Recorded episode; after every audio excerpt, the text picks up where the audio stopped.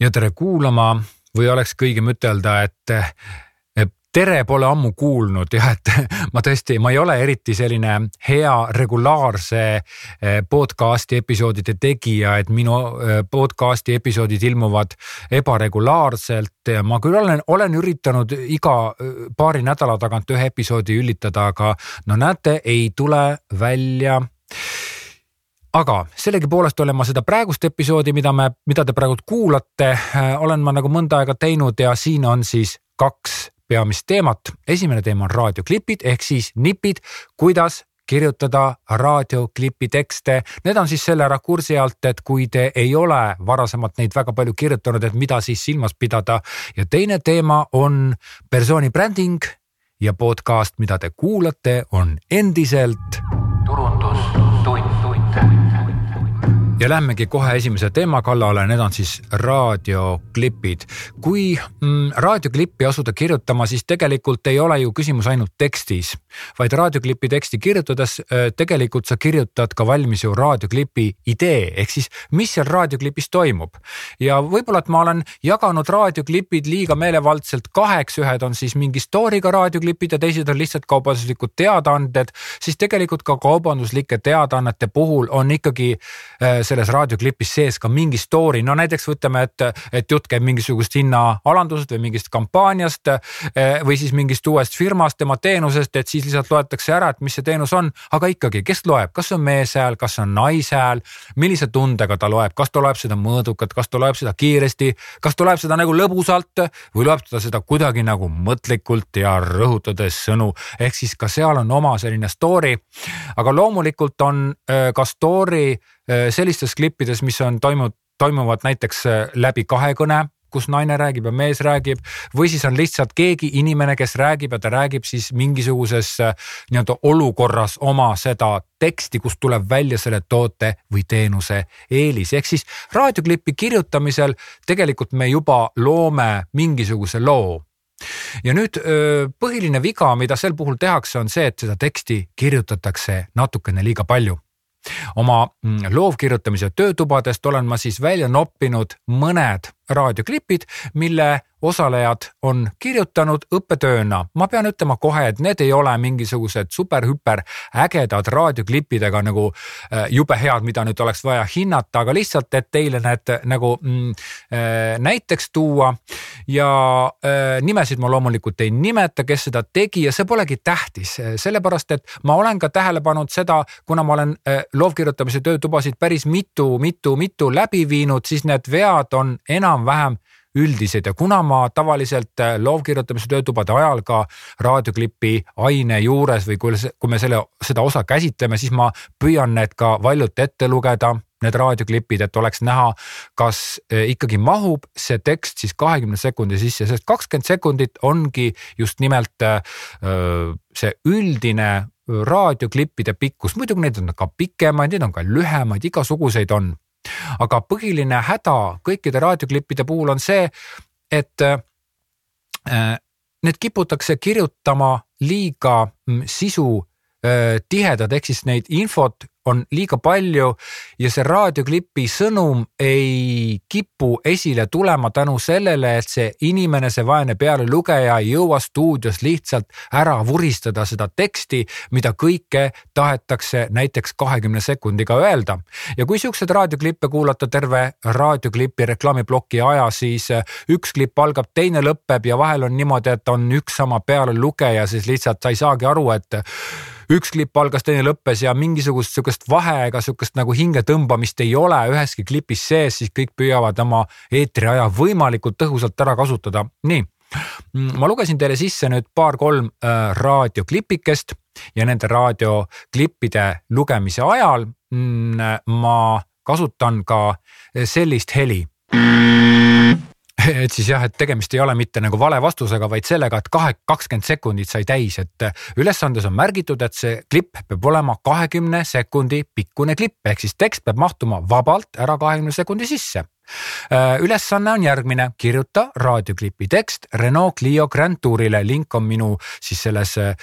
ühes tunni materjalis antud, kõik saavad sinna minna ja vaadata, milline on Renault Clio Grand Tour, lühidalt ma ütlen, et see on siis Renault Clio, mis on muidu väike auto, aga selle sihuke perekonnale jaoks, perekonna jaoks mõeldud mudel, kus siis istmed on alla klaapitavad, tal on hästi palju elektroonilisi lisandeid ja nii, et ta peaks olema naisterahvale ja perele üsna sobilik auto ja no muidugi ma pean ütlema ka seda, et need klipid on kirjutatud siis äh, loovkirjutamise töötubade ajal loovtööna ja seal on aega vähe, seal on palju segavaid faktoreid, need inimesed, kes on kirjutanud, ei ole eelnevalt palju raadioklippe kirjutanud, aga nad on pidanud selle vaikides endamisi oma telefonis oleva stopperiga läbi lugema, nii, aga kuulame nüüd esimest raadioklippi kallis, on aeg autot vahetada. oot, aga mis meie praegusel viga on? ei miskit, lihtsalt igal väljasõidul jääme meie lastega maha, et matkavarustus autosse mahuks. aga mõtle, Renault Clio Grand Touris on suur pagasiruum, alla käivad istmed ja tänu parkimisandurile saan ka mina autoga sõita. ja mina saan kõrvalistmel limpsi juua mm.. just, tule lähme juba täna proovisõidule Renault esindusse no näete, nagu te aru saite, siis eh, kuigi ma üritasin suhteliselt kiiresti lugeda seda teksti, siis sellest hoolimata ei mahtunud kahekümne sekundi sisse ära. nüüd selle äh, klipi sisu kallal, okei okay,, mees ja naine räägivad, naine ütleb, et äh, iga kord peame meie maha jääma, kui lähme matkale, et see võib-olla kõlab nagu natukene niimoodi see ei ole nagu usutav, et, et isa ja ema jäävad maha ja kas need lapsed siis nagu ise sõidavad selle autoga, et ütleme, sihukeste olukordade maalimisel peaks ikkagi noh, ääretult selgelt jääma reaalse olukorra juurde, isa ja ema ei saa ju maha jääda, sellepärast et lapsed autot ju ei juhi, aga okei. Okay.. peale seda, kui see mm, selline pisut kohmakas dialoog on läbi, loeb siis ema ette need Renault Clio Grand Touri head omadused ja need argumendid, et miks ta siis oleks hea just nimelt perele sõitmiseks, et see osa on tegelikult väga okei okay., et mina võib-olla isiklikult jätaksingi selle alguse osa täiesti ära ja olekski käsitlenud ainult seda, kuidas naine ütleb, et ostame uue auto, et ostame selle Renault Clio Grand Touri ja tal on nagu sellised, sellised head omadused. ja nüüd, et noh, et see isa joob limpsi, no okei okay,, see on ka maitse küsimus, võib-olla isegi tõesti, võib-olla tõesti, et kõikidele issidele meeldib kõrvalistel limpsi öö, maitsta noh, ma saan aru ka, et siin on võib-olla sihuke kerge vihje, et, et see isa võib siis ennast lõdvemalt tunda ja, ja juua õlut näiteks, kuigi tegelikult autoreklaamis ei tohiks öelda, et isa joob kõrval istmel õlut ja võib-olla see on ka minu pisut mm, väärastunud mõttemaailma käsitlus. aga igal juhul see limps võib-olla kõlas natukene korra jäi silma, aga noh, see ei ole nagu sihuke suur viga, ehk siis nagu te kuulsite, põhiline viga oli see, et tekst ei mahtunud ära ja nii kui raadioklipp algas ja nii kui raadioklipp lõppes, siis algusest kuni lõpuni oli kogu aeg üks jutt. kuulame järgmist klippi. hommik, lapsed kooli, uuesti koju, koer kaasa ja minek, ainult sõida, ei mingit aega iseendale. Hommikul lapsed ja koer autosse ja kooli poole teele, vahepeal joogasse, pere peale ja koju. Tänu uuele mahukale Renault Clio Grand Tourile ei pea ma enam päev läbi edasi-tagasi sõitma, vaid leian aega ka iseendale. ihka rohkem ja paremat, tule proovisõidule uue ruumika Renault Clio Grand Touriga City Motorsisse no vot, siin samamoodi tekst ei mahtunud ära ja võib-olla siin see minu pealelugemine, mis ma nüüd üritasin siin äh, kahe naisterahva häält jäljendada, siin pidi olema siis selline süžee, kus alguses loeb sihuke kurb naisterahvas, kellel ilmselt on siis see vana ja eelmine auto ja järgmisena loeb siis see, räägib siis see pereema, kes on just omale ostnud uue Renault Clio Grand Touri ja et kui hea temal on, et siis et võib-olla see, see, need kaks häält võib-olla nad ei, minu esituses ei tulnud head välja, aga samas on ka, et, et mis, tähendab praegusel puhul oleks pidanud siit klipist välja tulema, et kuidas siis see esimese ja kurva naisterahva hääl on põhjendatud, et miks tal on siis see halb auto, et kas on siis kirjutatud, et oi, et näed, minu vana auto on selline, mis ei võimalda, ma ei tea, seda, teist ja kolmandat ja kes sõidab aeglaselt või sõidab kuidagi kohmakalt, mis ei ole nagu mõeldud kõige selle jaoks, mida mina igapäevaselt teen, et see öö, nagu eba, see vastuolu, mis siin on, mis, mis siia klippi on kirjutatud, noh, see nii-öelda õige ja okei okay vastuolu, et seda võib-olla ei ole suudetud välja tuua, sest mina lugesin klippi ette täpselt nii, nagu see kirjutatud oli. ja, ja siin ongi see, et tegelikult, kui sa kirjutad raadioklipi teksti, siis tegelikult sa pead alati kirja panema täpselt, milline on näiteks siin puhul siis see naisterahva hääl ja samas loomulikult ka tekstis välja tooma selle, et miks ta on siis tülpinud, miks ta on kurb, et ta peab selle ikkagi konkreetselt välja ütlema, sellepärast et raadiot sageli ei kuulata, vaid kuuldakse, ehk siis see meedium, mis kõlab meil kusagil taustal peal ja sa pead seal kõik olulised faktid ikkagi välja tooma. Nüüd loomulikult jällegi ei mahtunud tekst ära, seekord nägite isegi, et kolmas hääl oli seal ka juurde toodud, see oli meeshääl. et ma ei tea, kas, kas just kolme häält on mõtet raadioklippi võtta, võib-olla see üks naisnäitleja suudab ära mängida kaks häält, üks on tülpinud ja teine on sihuke päikesejänku. võib-olla ta suudab, et, et, et miks siis see meeshääl seal lõpus loeb, võib-olla et see meeshääl mõjub okeilt, aga tegelikult oleks ju loogiline, et seesama naine ise ütleb, et, et aga, et kuulge naised, et aga ostke parem see, see Renault Clio Grand Tour, et see on ju see õige auto, millega te saate oma pere igapäevaseid vajadusi, autosõiduvajadusi rahuldada ja see on täpselt see, mida teile vaja on. kuulame järgmist klippi sa ei kujuta ette, ma leidsin ta, ta on kindlasti see õige. räägi lähemalt. ta on ilus, tark ja osav ja ta oskab igasuguseid trikke teha. ta tagumised istmed on kogu klapitavad, tal on tagumine parkimiskaamera ja parkimisandur on ka tule proovisõidule ja vali endale ideaalne kaaslane Renault Clio Grand Tour. No näete, see klipp mahtus äh, päris kenasti kahekümne sekundi sisse ära, isegi aega jäi üle. kui ma nüüd hakkaksin seda raadioklippi tegema, siis siin saaks nagu algusesse panna mingisuguse tühimiku ja lõppu mingi tühimiku, et see raadioklipp ei kõla algusest, esimesest sekundist kuni viimase sekundini nagu välja. võib-olla ma isegi lugesin veel liiga kiiresti seda aga siin oli siis kaks naishäält, kaks sõbrannat, kes, kellest üks siis räägib, et tal on uus kallim, mis hiljem selgub, et see kallim või see tema lemmik on siis hoopis uus auto, mis on siis Renault Clio Grand Tour. ja tegelikult ta loeb päris huvitavalt ja mõnusalt ja põnevalt ette ka need äh, plussid, mis sellel uh, uuel autol on just nimelt selle naisterahva vaatenurga naisterahva vaatenurgast vaadates. Ja tegelikult see auto ongi üsna palju naisterahvale mõeldud, ma muidugi ei tea päris täpselt, ma ei ole selle auto müüjaga suhelnud, et kas see tõesti on naistele mõeldud, aga tundub vähemalt küll, et see on sihuke auto, mis võiks naistele nagu meeldida siin võib-olla siis selline tähelepanek, et lõpu voice-over'i osas ei olnud öeldud, et kes seda täpselt loeb, kumb nendest sõbrannadest, et tegelikult ma siin vaatasin praegult, ma vaatan isegi sedasi, et, et see mm, tema sõbranna, mitte see, kes, kes omale uue kallima leidis, aga see tema sõbranna, kes ütleb vahepeal, et noh, räägi lähemalt, et see tegelikult võiks ju olla siis see, kes ütleb, et, et tule proovisõidule ja vali endale ideaalne kaaslane Renault Clio Grand Tour ja loomulikult jäi siit ka üleskutsest puudu fakt, et kuhu ta siis peab äh, tulema äh, proovisõidule, et Tallinnas on siis kaks või Eestis üleüldse on kaks äh, suuremat äh, autoesindust, mis müüvad mõlemat Renault. Äh, et, et kindlasti ikkagi, kuna me teeme City Motorsi praegu selles ülesandes City Motorsile reklaami, siis City Motors oleks pidanud siin olema ära mainitud, aga kui sa juba ütled City Motors, siis see juba võtab omajagu aega vähemaks, nii et City Motors jäi lõpust puudu ja lõpus jäi, mm, oli ka kirjelduses mainimata, et milline naine selle siis ette loeb Nonii, selline oli siis äh, lühikene ülevaade ja äh, nipid teile raadioklippide tegemiseks äh,. raadioklippide tegemisel on selline pisikene nüanss kui, kui ma näiteks ütlen niimoodi, et kui Arno isaga koolima jõudis, olid tunnid juba alanud. noh, põhimõtteliselt mahub paari sekundi sisse ära.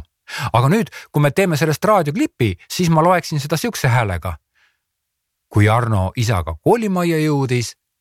olid tunnid juba alanud. no näete, see juba mahub viie või kuue sekundi sisse ja vahe on siis kahe või kolmekordne. ehk siis siit teile nipp kui te kirjutate raadioklipi tekste ja loete neid mõttes või siis häälega omaenda telefonis oleva stopperi järgi maha, siis peate arvestama sellega, et jätate sõnade vahele ruumi, et see, kes raadioklippi kokku paneb, et temal oleks ruumi mängida, võib-olla mingit taustaheli siis sisse tuua, võib-olla mingi muusikaline lahendus või muusikaline areng sisse tuua ja et raadioklipis oleks alati ruumi ja oleks ruumi nii alguses kus te justkui juhatate teema sisse, kui ka oleks ruumi lõpus, sellepärast et lõpu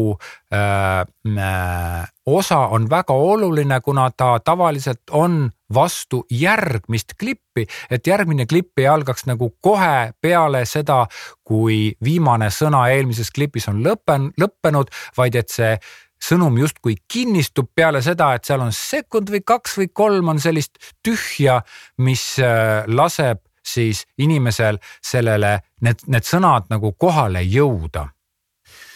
nii palju siis täna loovkirjutamisest ja reklaamtekstidest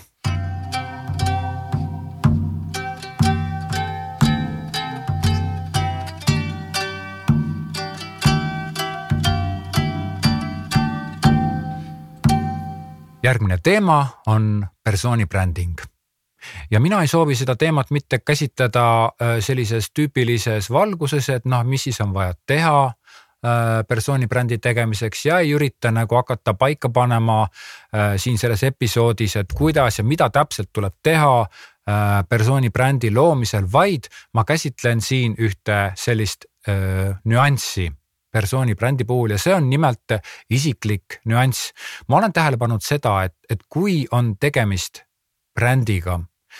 siis nii ettevõtte juhtidel kui ka võtmetegelastel kui ka inimestel, kes teevad iseendale persooni brändi, neil tekib niisugune väikene vaakum. Ja see vaakum on just nimelt seal, et kui sina oled persooni bränd,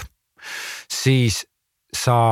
kui sa ennem näiteks võib-olla ei olnud nii, ei teadvustanud oma persooni brändi niivõrd äh,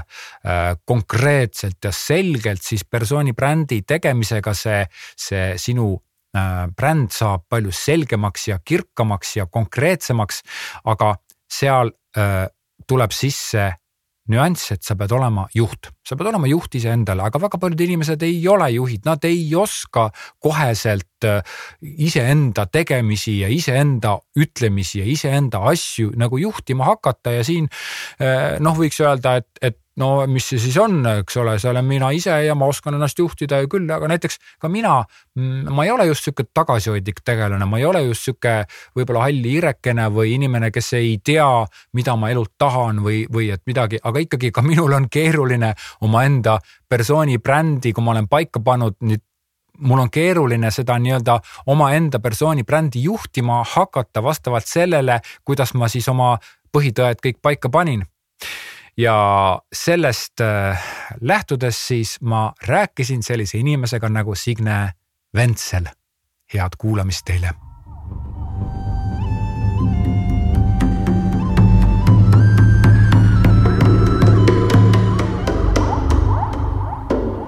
Signe, mul on äh, õudselt hea meel, et, et sa täna tulid siia et ma saan sinuga rääkida, sest et ma tegelikult äh, ma nägin sind esimest korda nagu laivis nägin siis, kui me olime koolituskonverentsil. just, Äripäeva koolituskonverentsil. jah, ja, ja tegelikult sealt see jäid mulle meelde ja siis ma hakkasin uurima sinu neid sotsiaalmeediakanaleid ja kõike, et, et ja see tundus nagu väga põnev ja väga huvitav. persooni brändi teema on ka endal praegult nagu väga aktuaalne. mitu aastat sina juba oled enda arust, kaua sul juba enda arust persooni bränd on? Mm,? väga hea küsimus, ma tegelikult arvan, et ma olen selles suhtes seda persooni brändi ühelt poolt loonud võib-olla äkki siis viimased kümme aastat. aga ma arvan, et need eelnevad viis, äh, ütleme, et siis ütleme, et esimesed viis on võib-olla natuke mitte väga teadlikult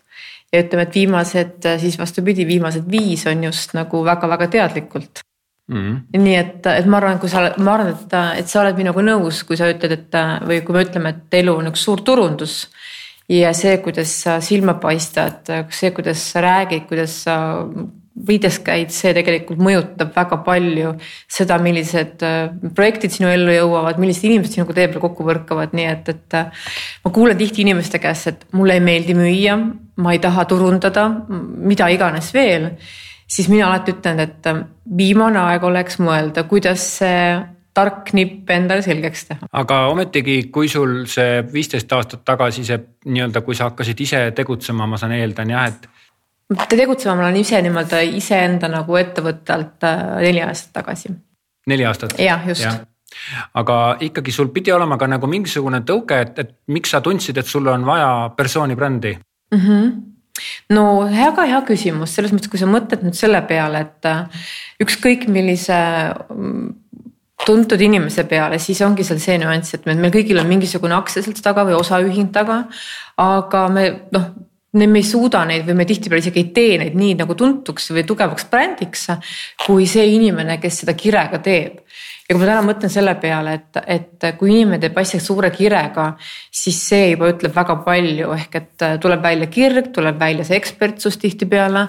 ja, ja see ongi see persooni bänd kaudses mõttes, ma kas ma vastasin su küsimusele nüüd. ei vastanud ei sa vastasid nagu väga ilusti läksid ümbert. miks sa hakkasid, miks sa hakkasid tegema endale persooni brändi, sina isiklikult? no mina sellepärast mina sellepärast, et, et väikeettevõtjana sul ei ole rohkem variante, see ongi põhimõtteliselt üks väga-väga võima-, võimas vahend, et teha klientidele ennast nähtavaks, kes sa oled, mille eest sa seisad ja mis sinu see suur missioon või visioon on aga kas sinu selline persooni brändi kuvand, kas see oli juba algusest peale sul kusagil olemas või see tekkis aja jooksul? Äh, mina ütleks selle kohta nii, kui ma tagantjärgi olen mõelnud selle teema peale ka, siis äh, see, see põhiväärtus on sama olnud, et selles mõttes see, et ma olen isiksuse tüübilt selline tugev, otsekohene, koleeriku tüüpi. see on tegelikult olnud ikkagi üsna nagu kooliajas kuidagimoodi alati avaldunud. alati selliste liidri omadustega, eestvedaja visiooniga, alati oma nägemusega, et see isiksuse tüübilt on kindlasti olnud jah kas igast inimesest võib saada persooni bränd või ainult tugevatest ja jõulistest? ei, mina olen seda veendumusel, kui inimesel on tõsiselt eesmärk, ta teab, mis teda nagu päriselt nagu tagant niimoodi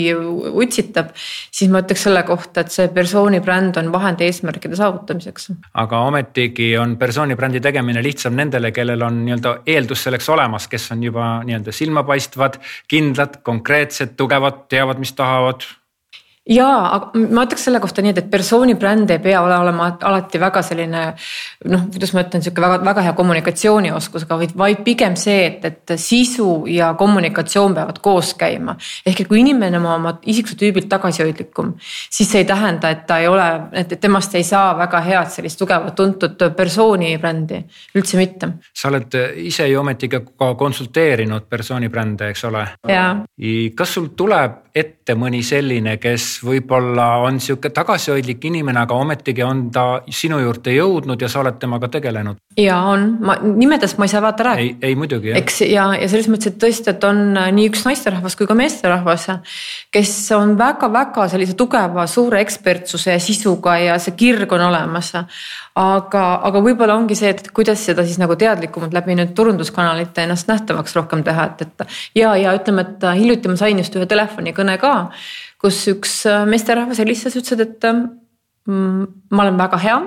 aga keegi mind ei tea ehk et noh, see ongi väga hea näide sellest, miks võiks oma kirge ekspertsus kommunikatsioonina nähtavaks teha. Ja kui ma teen meeskonnakoolitusi siin tippjuhtide ja, ja keskastme juhtidega, siis väga palju öeldakse selle peale, et, et aga noh, mina ei taha nii kuulsaks saada või mis iganes, eks. või siis vastupidi, mõni tööandja kurdab, et aga äkki me koolitame meie tiimi nagu väga tugevaks, väga tugevaks, tuntavaks persooniga siis tekib see aspekt, et äkki nad lähevad minema. nii et ma arvan, tegelikult ma mõtlen teistpidi, et, et kõige hullem asi on see, kui, kui juht kardab, et tema meeskonna liikmed teevad head tööd iseendaga ja lähevad minema, pigem võiks mõelda, et kui nad jätavad tegemata, mis siis juhtub? persooni brändi omav inimene on ikkagi rohkemal või vähemal määral juht ju mm,? ma ei ole päris sellega nõus, et ainult, ainult juhid vajavad persooni bändi. ei, ta võib olla nagu tagasihoidlik, vaikne, mitte esiletükkiv inimene, aga ometigi, kui ta teeb persooni brändi, ta on ju vähemalt iseenda juht ju. aga, aga see on midagi muud kui see, et ta kusagil töötab kellegi juures, kellegi jaoks talle öeldakse kuidas sa pead riides käima, kuidas sa pead välja nägema, mida sa pead ütlema, seal on ikkagi väikene vahe sees ju on, ehk et sa tahad öelda, et, et kui me räägime sellest persooni brändist, et siis tagasihoidlikkus, mis su küsimus oli, küsi uuesti palun. kas persooni brändi omav inimene on juht, kas temast saab juht, kui ta omale persooni brändi teeb või kas talle on vajalikud juhi omadused? Ähm, juhi omadused küll, aga ta ei pea ilmtingimata, temast ei pruugi üldse juht saada, selles mõttes, kui me räägime sellest, et mul on üks väga hea näide ka üks. taaskord jälle ma ei saa nimedest rääkida, aga üks avalikus, üks ühe ettevõtte juht läks korraks avalikku sektori. Ja, ja tema no lahkumisega korraks ettevõttest lahkusid ka väga mitmed, mitmed kliendid. Äh, mis oleks pidanud teistmoodi tegema, mis sa arvad? Ma arvan, et ta oleks pidanud kommunikeerima oma tiimi ja ettevõtte väärtusi kokku, eks ole, midagi sihukest. absoluutselt, kui ta oleks tegelikult ühelt poolt iseenda, ta tegi iseenda brändi on nähtavaks, aga ta jättis tahaplaanile kõik oma meeskonnaliikmed, kes tegelikult olid väga-väga tugevad ekspert ja sisukandjad. aga sinnapoole väärtust ei loodud, ekspertsust kuidagimoodi ei kommunikeeritud ja tegelikult siis juhtus see, et, et kliendid läksid koos temaga võib-olla oleks see pääs-, mitte võib-olla, vaid kindlasti oleks see päästnud olukorda, kui meeskonnaliikmed oleksid olnud ka noh, tugevama tunta persooni brändiga. ma nüüd äh, nii-öelda käin nagu kass ümber palava pudru ja küsin sult küsimusi, eks ole, ja sa ei saa aru, miks ma neid küsin. ma küsin neid sellepärast, et tegelikult ma olen nagu sageli tundnud sellist asja, et üleüldse ka ettevõtete puhul, ka mina olen noh, nagu oma agentuuri aastate jooksul ja ka nüüd töötades freelancer'ina tegelenud päris palju tegelenud päris palju brändinguga ja brändiga ja brändi abiga ja aidanud ja näidanud ja tegelenud kuvanditega, tegelenud visuaalse poolega, tegelenud väärtustega, kõige sellega. ja igal pool on üks väga konkreetne asi, mis saab takistuseks, aga millest ei räägita ja see on see, et inimese mõtteviis peab muutuma, kui ta teeb omale persooni brändi või kui ta teeb oma ettevõttele brändi. kui me tahame, et see tegelikult päriselt ka töötaks, siis, siis tema mõtteviis peab muutuma. ja see mõtteviisi muutus ongi midagi sellist, mida võib-olla inimesed esimese valuga nad ei oska, nad ei söanda, nagu sa ka alguses ütlesid, et, et no ma ei taha nagu kuulus olla. et tegelikult, kui me nüüd läheme siit võib-olla grammikese edasi, siis paljudel inimeste puhul on selle persooni brändiks hakkamise puhul raskus muuta oma äh, mõtteviisi ja, ja teiselt poolt on neil ka teadmatus. Neil on oskamatus olla selline väljapoole silmapaistev, tugev, selge, sirge, ühesõnaga neil on raskusi, kui nad kujutavad ette ennast sellise inimesena nagu näiteks sina kes sa oled, sa oled väga nii-öelda konkreetselt, selgelt tajutav, ma tajun sind väga selgelt ja tegelikult, kui ma sinuga nagu räägin siin ega, ega sa oled üsna samasugune, kui ma sinu öö, sotsiaalmeediakanaleid ja kodulehel tuhnisin, ega sa olid, sa, sa oled üsna nagu üks autentne, et ei olnud niimoodi, et sa oled kodulehel absoluutselt üks ja nüüd ma tulen, räägin sulle, siis sa võib-olla hoopis pomised siin ja noh, ei tea, ei julge silmi tõsta, eks ole. aga, aga, aga paljudel inimestel on ka see, et aga ta peab selleks ju hakkama. et see episood, mida me siin sinuga salvestame, on tegelikult mõeldud nendele inimestele abiks ja toeks ja, ja võib-olla mingisuguseks sihukeseks selgituseks, et, et aga kui sa ei oska, kui sa ei tea, kuidas, kui sul on segadus hinges olemas, et, et mismoodi siis, mismoodi siis peaks tegema, sellepärast ma küsisin, et aga kui sina nagu alustasid, tegelikult lähme veel selle sinna sinu enda persooni brändi alguse juurde tagasi, kui sa hakkasid ise tegutsema. sa pidid ju ometigi võtma mingi otsuse vastu ja hakkama olema keegi, kes ma ei tea, kes ei saa olla suure ettevõtte üks kolmekümnest sõdurist ja hakkama tegutsema, sul pidi olema ikkagi mingisugune selline mm, siht silme ees, nägemus ja sa pidid tahtma ise hakata olema face ma korraks, sa tegid siukse mõnusa pika sellise nagu vahepealse sissejuhatuse uuesti.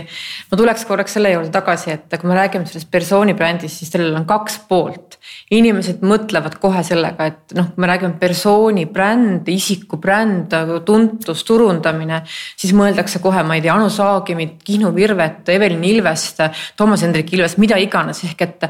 ja tekib see mõte kohe, et aga mina ei taha nii kuulus olla, eks. ehk et sa ei saagi ennem nii kuulus üldse olla, kui sul see sisu ehk see mina pilt on nagu paika loksutamata. ehk et esmalt peaks tekkima see väga selge nägemus iseendast ja, ja miks inimesed selle teemaga tihtipeale süvitsi ei lähe, sellepärast nad ei tea, number üks, kes nad on, mida nad tegelikult üldse elult tahavad, ehk see kirg on ka leidmata.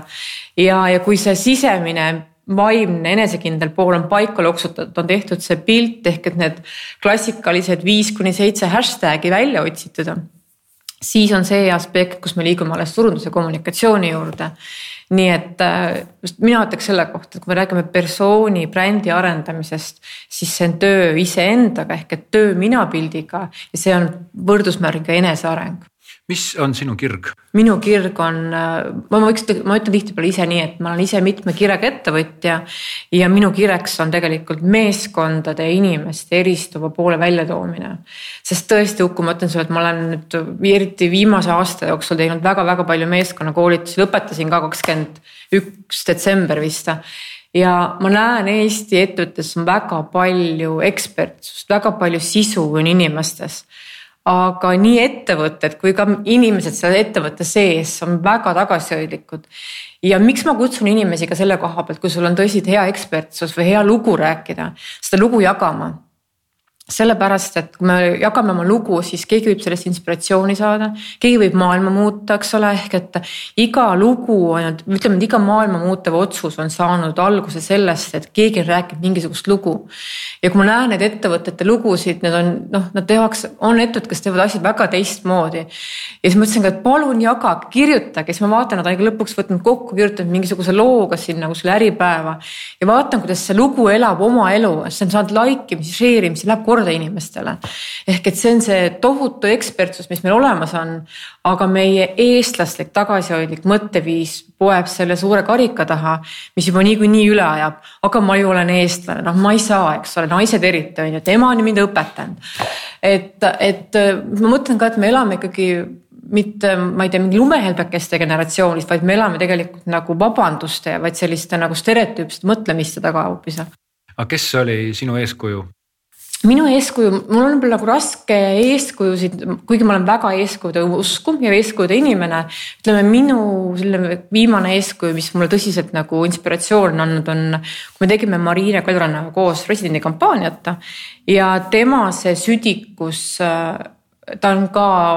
ühelt poolt oskab väga diplomaatiliselt öelda selliseid äh, asju, mida peaks võib-olla otse negatiivselt ütlema, aga temal on oskus seda nagu diplomaatiliselt, tolerantselt, äh, viisakalt välja öelda. ja Marina oma käitumise mõttelaadiga mind väga nagu pani mind iseennast korraks ka nagu jälgima, et kuidas mina käitun, kuidas mina suhtun asjadesse. aga seal kõige alguses? kõige alguses ma olen väga palju inspiratsiooni saanud raamatutest, ma olen väga suur raamatulugeja, mina ütlen alati oma koolitustel ka, et, et leidke endale see inspiratsiooniallikas, see ei pea üldse olema noh, tõesti siit Eesti maastikult keegi, vaid täiesti kaudselt, ma ei tea. Madonna, Richard Branson mulle väga meeldib, eks. Shirley Sandberg on väga kihvt, Oprah on väga kihvt väljaütlemise, ehk et need on kõik sellised nagu tei-, natuke klassikaliselt keskmiselt julgema mõtteviisi ja väljendusega inimesed kas eeskuju peab olema alati keegi äh, hästi esirinnas, hästi nagu mainstream topis mm? -mm, ei, ikkagi see, kes sinuga suhestub, ehk et mina ütleks ka, et, et läbi väärtuste võiks mõelda. kas sinu sarnased väärtused kattuvad temaga? Äh, nüüd, kui me räägime ettevõtetest, siis äh, mina ise olen oma nahal seda ka tundnud, et jube hea on, kui sa töötad näiteks reklaamiagentuuris ma ei tahagi seda reklaamiagentuuri niivõrd rõhutada, aga ma toon seda situatsiooni kui näidissituatsiooni näidiseks, et äh, ja käsitleda teiste asju, teiste probleeme, lahendada teistel neid olukordi. ja tegelikult see hetk, kui sa hakkad iseenda peremeheks, siis see kaardimajakene, ta ei ole kaardimajak, aga ta on sihukene visioon, et ma oskan, see vajub kokku, sellepärast et endal on jube raske teha äh, ja ometigi eh, töötavad väga paljud inimesed ja väga head ja jõulised inimesed ettevõtetes. Eh, nüüd, kuidas peaks hakkama üks inimene mõtlema persooni brändile, kui ta töötab ettevõttes, ta on seal väga hinnatud, aga ometigi ta ei paista niimoodi välja, kui ta oleks persooni bränd, kuidas ta peaks mõtlema või milline see tema, sinu arust, see tema mõttekäik võiks olla või mida ta tunneb? Kas sa pead silmas seda, et ta tahaks näiteks ühel päeval tulla ettevõttest ära ja tahaks teha oma asja? jah okei okay., ehk et noh, mina tegelikult olen sarnase põhimõttega ise ka olnud, et ma olen küll pikalt töötanud kõrgharidusmaastikul. aga see iseenda ettevõtte mõte oli kogu aeg nagu kuskil olemas. ehk tegelikult seal tekibki see mõte, et sa nagu hakkad ennast nagu, kuidas ma ütlen, nagu programmeerima põhimõtteliselt, sa nagu hakkad endale seda nagu, nagu väärtust juurde looma läbi erinevate tegevustel, kuulamist ja käid mingitel üritustel. ja sealt tekib sul ka ühelt poolt nagu see pilt, et kes sa tahaksid või mis sa tahaksid olla ja mis sa ei tahaks ja kes sa ei tahaks siis olla, eks ja läbi selle tegelikult tekibki sul see, kui sul see tekib see visioon, nägemus ette, siis äh, muud ei olegi lihtsalt, kui tuleb võtta järgmine käik sisse ehk et äh, hakata julgelt äh, mõtlema selle peale, number üks, et kes sa tahad olla. kui ma küsin inimeste käest, et kes sa oled, no nagu sina küsisid minu käest ka, eks, siis äh, kus kaheksakümmend protsenti inimestest tegelikult ei tea, kes nad on nii et kui sa seda tead, siis on see, et, et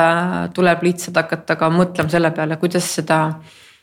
enesejuhtimise poolt ehk et kui sa astud nüüd sellest klassikalisest ettevõtte palgatöö rollist välja, siis edasi hakkab mängima väga tugevat rolli oskus iseennast juhtida, oskus iseennast nähtavaks teha ja kui süsteemne sa suudad olla. sest et kui sa mõtled nüüd täna nende inimeste peale, kes on midagi saavutanud, midagi erakordset teinud, midagi ägedat siis on teinud seda nagu ise, noh ise oma visiooniga, ise oma tegutsemisega, siis seal on väga selge visioon ja väga selge süsteem ja distsipliin taga. ja see on koht, kuhu inimesed takerduvad, sest et mõtle, kui sa tuled ise töölt ära, eks, siis on see nüanss, et aga mida ma siis täna tegema hakkan, eks võtad oma läpaka lahti, sealt tuleb mingisugune paar meili, hakkad toimetama, vaatad, kell on kolm. okei okay,, päev on möödas, õhtu käes, aitab küll tänaseks, no küsimus, et kas see tegemine täna viis mind lähemale sinna, kus ma tahan olla. ehk et äh, number üks, kui sa tahad hakata iseenda bossiks nii-öelda, siis number üks on see, et, et sa pead mõtlema, kuidas olla maksimaalselt fookuses ja väga tugeva distsipliiniga ja minu üks selline tähelepanek on veel, mis ma olen ka ühelt poolt iseenda pealt aru saanud, lugenud raamatutest ja kui ma käisin siin ühe nädalavahetusel nüüd äh, spordigalal nii-öelda, siis äh, seal ütles ka Rein Pajuri, kes on poksitreener, kui ma ei eksi, oli ta. et igasugune edu eeldab alati ohverdamist ehk et sa pead midagi ohverdama, kas sotsiaalset elu natuke vähemaks võtma, võtma oma vanu harjumusi korraks nii-öelda kaardi peale, mõtlema, millest ma loobun. et äh, see on väga tugev mõtestatud töö, teistmoodi tegemine. kas, kas ettevõtte töötajad, ütleme ka mitte noh, päris nagu kõige taga koristaja, kes käib seal kord nädalas, vaid ettevõtte siuksed võtmetöötajad, kas, kas nendel peaks sinu nägemust mööda kõigil olema oma persooni bränd? kui me räägime võtmetöötajatest, kes on niikuinii kuidagimoodi ametipositsiooniga ühelt poolt kui brändisaadiku rollis, siis mina ütlen küll, et, et see võiks olla absoluutselt teadlikum jah. aga kus see juba nagu hakkab natuke nagu viltu vedama, on selle poole pealt, et inimesed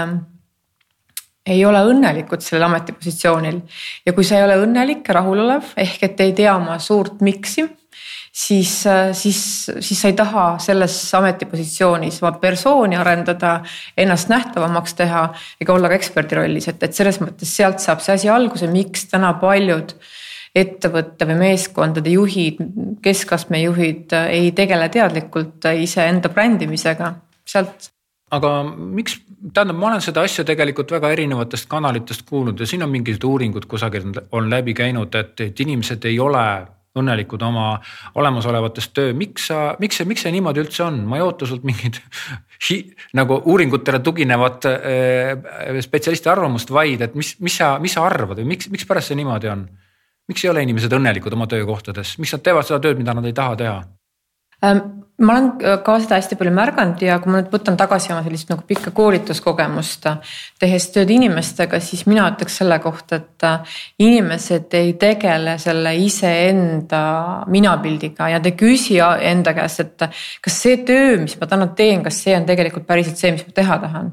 ja kuidas mina tegelikult ka nüüd selle nagu iseenda ettevõtluse juurde jõudsin, oli üks etapp, et läks mingisugune aasta mööda, kaks aastat mööda, ma küsisin, kas see töö, mis ma täna teen, kas see pakub mulle nagu päriselt rahuldust, ehk kas see meeldib mulle ja kas see pakub mulle ka nagu arenguvõimalusi. ja ma olin hästi-hästi kriitiline alati, ehk et mulle alati meeldib olla väljakutsete faasis, ma olen hästi uudishimulik. ja, ja see etapp jäetakse vahele ja seda ei tehta või siis tehakse, aga natuke pannakse nagu jaanalind pea liiva alla, mõeldakse, et oh, tegelikult noh, see juhtum on päris okei okay,, et elame veel aasta üle.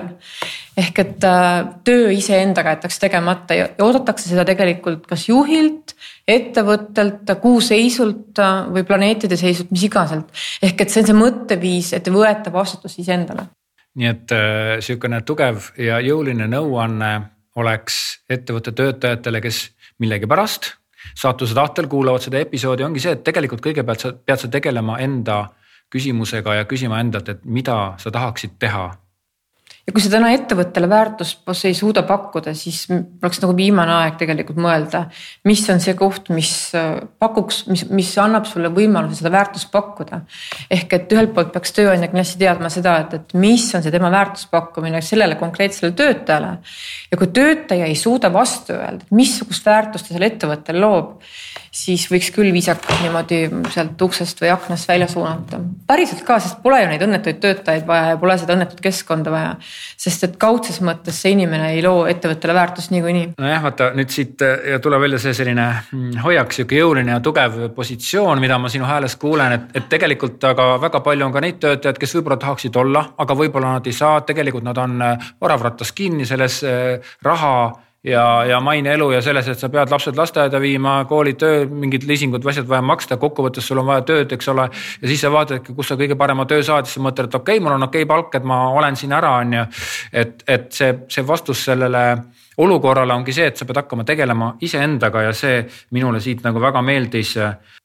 ja ma ei tahtnud öelda, et inimene peaks ära nagu minema töölt, aga see põhimõte või minema kuskile ettevõtjaks. vaid kas see, et, et tõesti vahetama siis töökohta või, või noh, minema selle ideestiku juurde, mis talle päriselt korda läheb, millest ta ise ka usub. tegelikult mm, minule väga meeldis sinu äh, selline olek, kuidas sa esinesid äh, sellel koolituskonverentsil sest et noh, ma ei saa nüüd öelda, et mulle absoluutselt nagu kõik mehed ja naised meeldiksid, kes vähegi esinevad kusagil aga noh, siin on ka see, et kui sa oled kuidagi nagu ühtepidi räägid nagu asjast, sa ei ole nagu liiga sihuke overwhelmed, liiga ülekuumenenud ega ei püüa nagu rahvast igal juhul naerma panna, teiselt poolt sa ei ole ka sihukene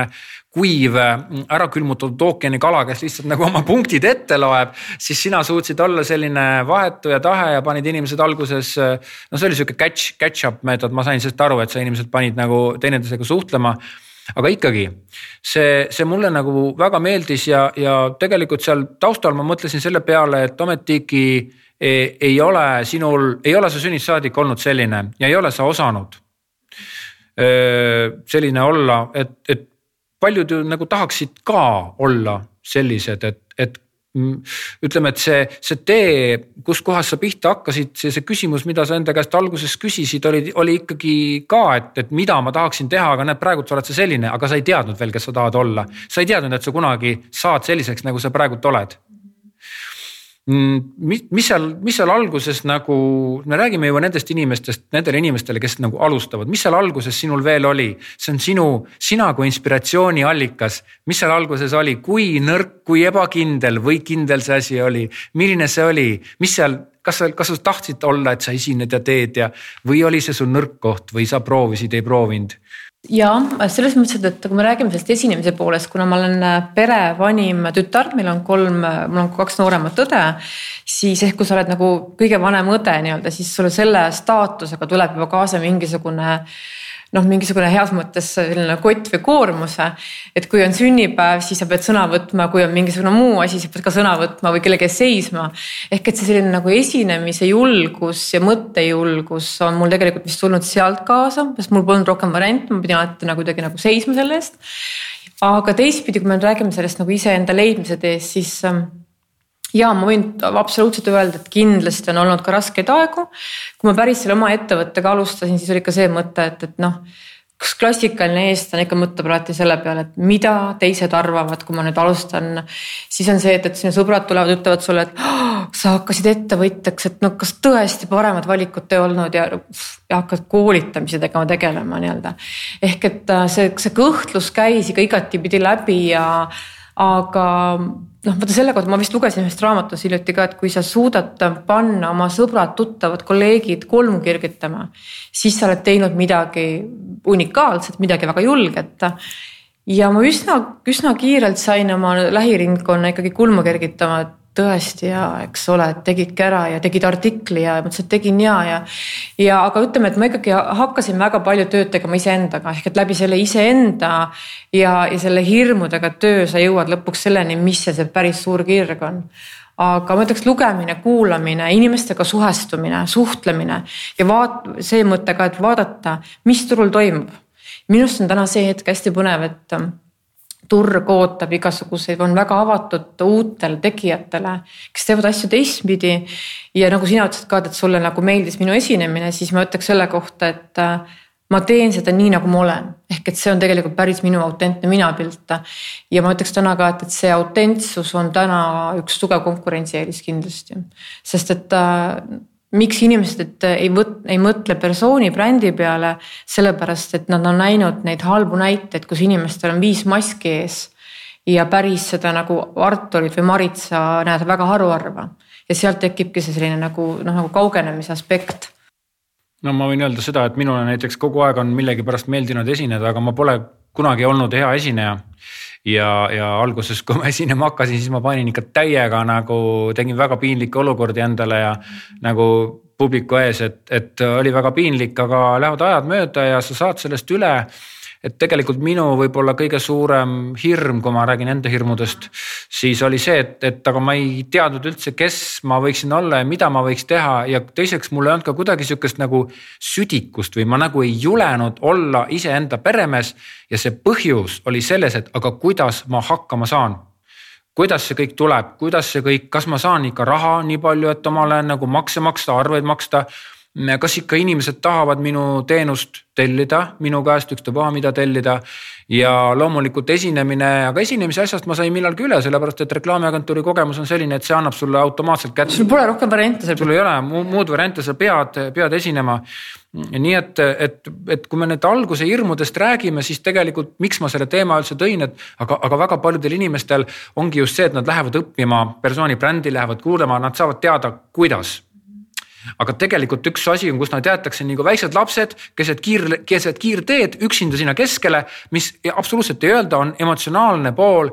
et, et mida sa pead tundma, kuidas sa pead mõtlema, millest sa pead üle saama, et hakata persooni brändi tegema, et tegelikult ma tean väga paljusid, kes tahavad, ma tean ka siukseid, mul on ka siukseid tuttavaid, kes töötavad ja suhteliselt kõvade nii-öelda noh, kuulsate tegelastega kuulsates firmades kõik ja isegi mitte brändidega, suisa bändidega. Ja, ja kes ometigi nagu noh, nad, nad, nad küsivad ka, et kuule, ma ei tea, kas ma ikka peaksin. Või mida sa soovitad, mida ma peaksin tegema, eks ole. ja tegelikult seal kõige all ma tunnen seda, et tegelikult ta ei oska või ta ei ol-, ta ei oska olla mm, öö, avalikkuse ees selgelt mina ise et sellepärast ma nagu pinnisin sind ja sinu hirmusid. et anda teistele näiteks, et selline inimene, kes on praegult näeb niivõrd tugev välja, on tegelikult ka tundnud hirmusid ja kõhedust, et see ei ole sugugi mitte midagi sellist, et oi-oi-oi, et noh, kõik on seal kõik nii tugevad ja mina küll ei hakka, ma ei tunne ennast üldse nii tugevalt et.... ei, ma arvan, et hirmudega põrkavad kõik inimesed kokku enam suuremal või väiksemal määral, aga mina ütleks ka, et, et mis sellest hirmust aitab nagu üle saada, on ikkagi see, et, et kuidas sa ennast nagu, ma ütleks selle kohta. no ongi, kuidas sa programmeerid, vaata, missugust informatsiooni sa tarbid, mida sa kuulad, mida sa sööd, kellega sa ümbritsed ennast ja tegelikult see aitab aitab sul tekitada selle luu ja ütleme sinna nagu naha vahel neid lihaseid, mis annavad sulle võimaluse hakkama saada situatsioonidega, mis on teinekord ootamatud, võib-olla ka natuke sellised kergelt kõhevust tekitavad, ehk et see on see töö iseendaga. mina ütleks ka, et see mängib väga suurt rolli väga suurt rolli oma selle kujunemisel ja ühelt poolt see, et tõesti, kui sul tuleb mingisugune ma ei tea, a la kohtukutse on ju, siis see ei võta sind kuidagi nagu kõhust nõrgaks, vaid sa vaatad hmm,, okei okay,, tegelikult on kõik väljamõeldav, eks. et, et see ongi see, mis äh, eristab ühte inimest teist, teisest inimesest. miks on sinu OÜ nimi Brand Moon, aga mitte Signe Ventsel OÜ?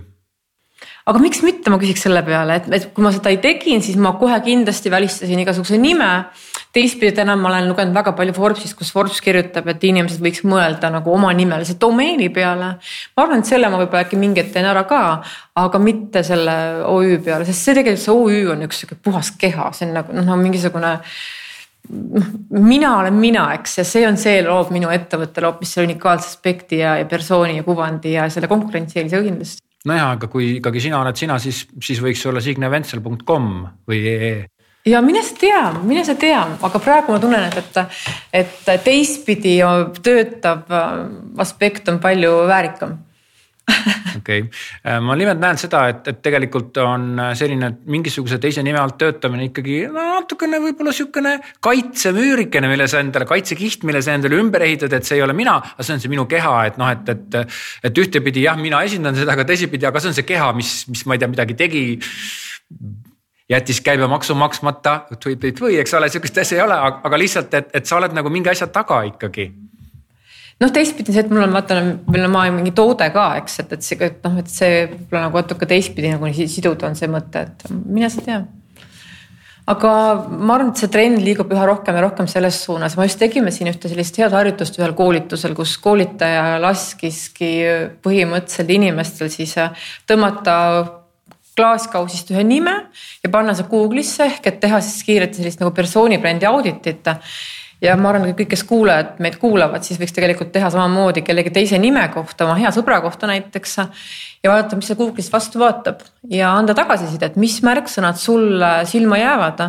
ja siis, kui minu nime tuli, üks naisterahvas guugeldas minu nime siis tema ütles ka, et jaa, et, et tuleb välja, tegemist on koolitajaga. et noh, tausta nagu teadmata nii-öelda ja siis ütlesid, et äh, avalik esineja ehk et fotod, mis tulevad juba välja, et need nagu väga palju ka reedavad, et selles mõttes äh, kasutage sõpru oma persoonibrändi auditi tegemiseks, et tekib päris hea nagu nägemus, et kes, kuidas ja kuhu ja mis suunas võiks kui hästi müüb see sinu see merch, merchandise ehk siis see nänn, mida sa pakud? mida ma toodan yeah.? Äh, kalendermärkmik olen iseenda boss ehk et tegelikult ongi see nendele inimestele mõeldud, kes, äh, kes julgevad võtta selle märkmiku kätte ja mõtlevad, et äh, tõesti kõik elult, mis sa tahad, algab sinust. ja miks see tegelikult ellu on kutsutud, ongi sellepärast, et ma näen väga palju täpselt just neid aspekte, kus inimesed istuvadki ühel õnnetul töökohal, ootavad, millal saavad koondamisteate, oodatakse mingisugust kristallide panemist. aga kõik algab sinust iseendast, isegi siis, kui sa oled täna ühe ägeda ettevõtte mingi keskkonna, keskastme juht või tippjuht. oma elu juhid sa ikkagi ise ja just see põhimõte ka, et, et me teeme väga palju neid to do liste, teeme neid igasuguseid muid liste. aga mis nende liste juures tegemata jäetakse, on just see aspekt, kuidas teadlikult igapäevaks, igaks päevaks planeeritud kindla ajaga luua endale väärtust, ehk et selle kalendermärkmiku eesmärk ongi see, et, et to do listi kõrval on väga selge fookus igapäevasel iseenda arendamisel nii et ehk, et see põhimõte toob olla kuuskümmend minutit iga päev õpilase rollis. Kui sa seda iga päev reaalselt teeksid, siis maailm muutuks sinu jaoks väga palju. aga kui, kui palju neid ikkagi nagu tahetakse või ostetakse, tellitakse? väga, mina ütleks selle kohta, et üha rohkem ja rohkem. ma, ma ütleks selle kohta, et eelmise aasta need kaks tuhat märkmikku on läinud ja täna, täna bosse muudkui tekib juurde, see mõtteviis inimesi kõnetab ja inimesed tahavad luua väärtust selles mõttes, et, et otsitakse seda mingisugust kuldkalakest igalt poolt, igalt seminarilt, podcast'ist, raamatust. aga mis puudu jääb, süsteemsusest jääb puudu ja õpioskusest jääb puudu. me ei oska enam inimestena õppida. et noh, kasvõi see, et, et vaata, kui palju sinu podcast'i inimesed kuulavad, ükskõik missuguseid podcast'e mis tehakse selle informatsiooniga, kuidas nad panevad selle informatsiooni nüüd kas iseenda sahtlisse, märkmikku või kuhu iganes. me ei oska seda nagu talletada, me ei oska sellega tööd teha enam nii et ehk, et see ongi see õppimise aspekt eristab seda inimest, kes siis tegelikult oskab sellega ka väärtust luua aitäh sulle, Signe ja, ja ma loodan, et see meie vestlus sai kellelegi sihukeseks inspiratsiooniks või, või siis avalöögiks, et millega ta võib-olla osaks näiteks pöörduda eh, sinu poole, kuidas sinu poole peaks nagu pöörduma kodulehe kaudu brandmoon.ee. ehk et panna näiteks Google'isse olen iseenda boss, Brandmoon OÜ või Signe Ventsel, siis kõik viivad kenasti kodulehekülje peale ja kui kellelgi on mõni hea mõte või vastupidi, pole mingi mõne mõttega nõus, siis äh, see ka see on tulnud, teretulnud, et mul just üks situatsioon oli, kus üks meesterahvas kirjutas mulle mõni kuu hiljem peale koolitust. tegin meeskonnakoolitust ja ütles, et ja Signe, et ma väga vabandan, et ma natuke arrogantne olin sellel päeval. aga tõesti, see persoonibändi teema jõudis minu juurde mõni kuu hiljem ehk et õpetaja saabub siis, kui õpilane valmis on. nii et ütlesid ka, et, et, et, et ta on aru saanud, et ta on lasknud paar väga head võimalust mööda juba, aga ta juba teeb samme, et iseendas persooni tugevdada, nii et, et see on parim palk minu tööle. keegi suudab tõesti niipidi ka oma elu tegelikult muuta. aitäh sulle. aitäh kutsumast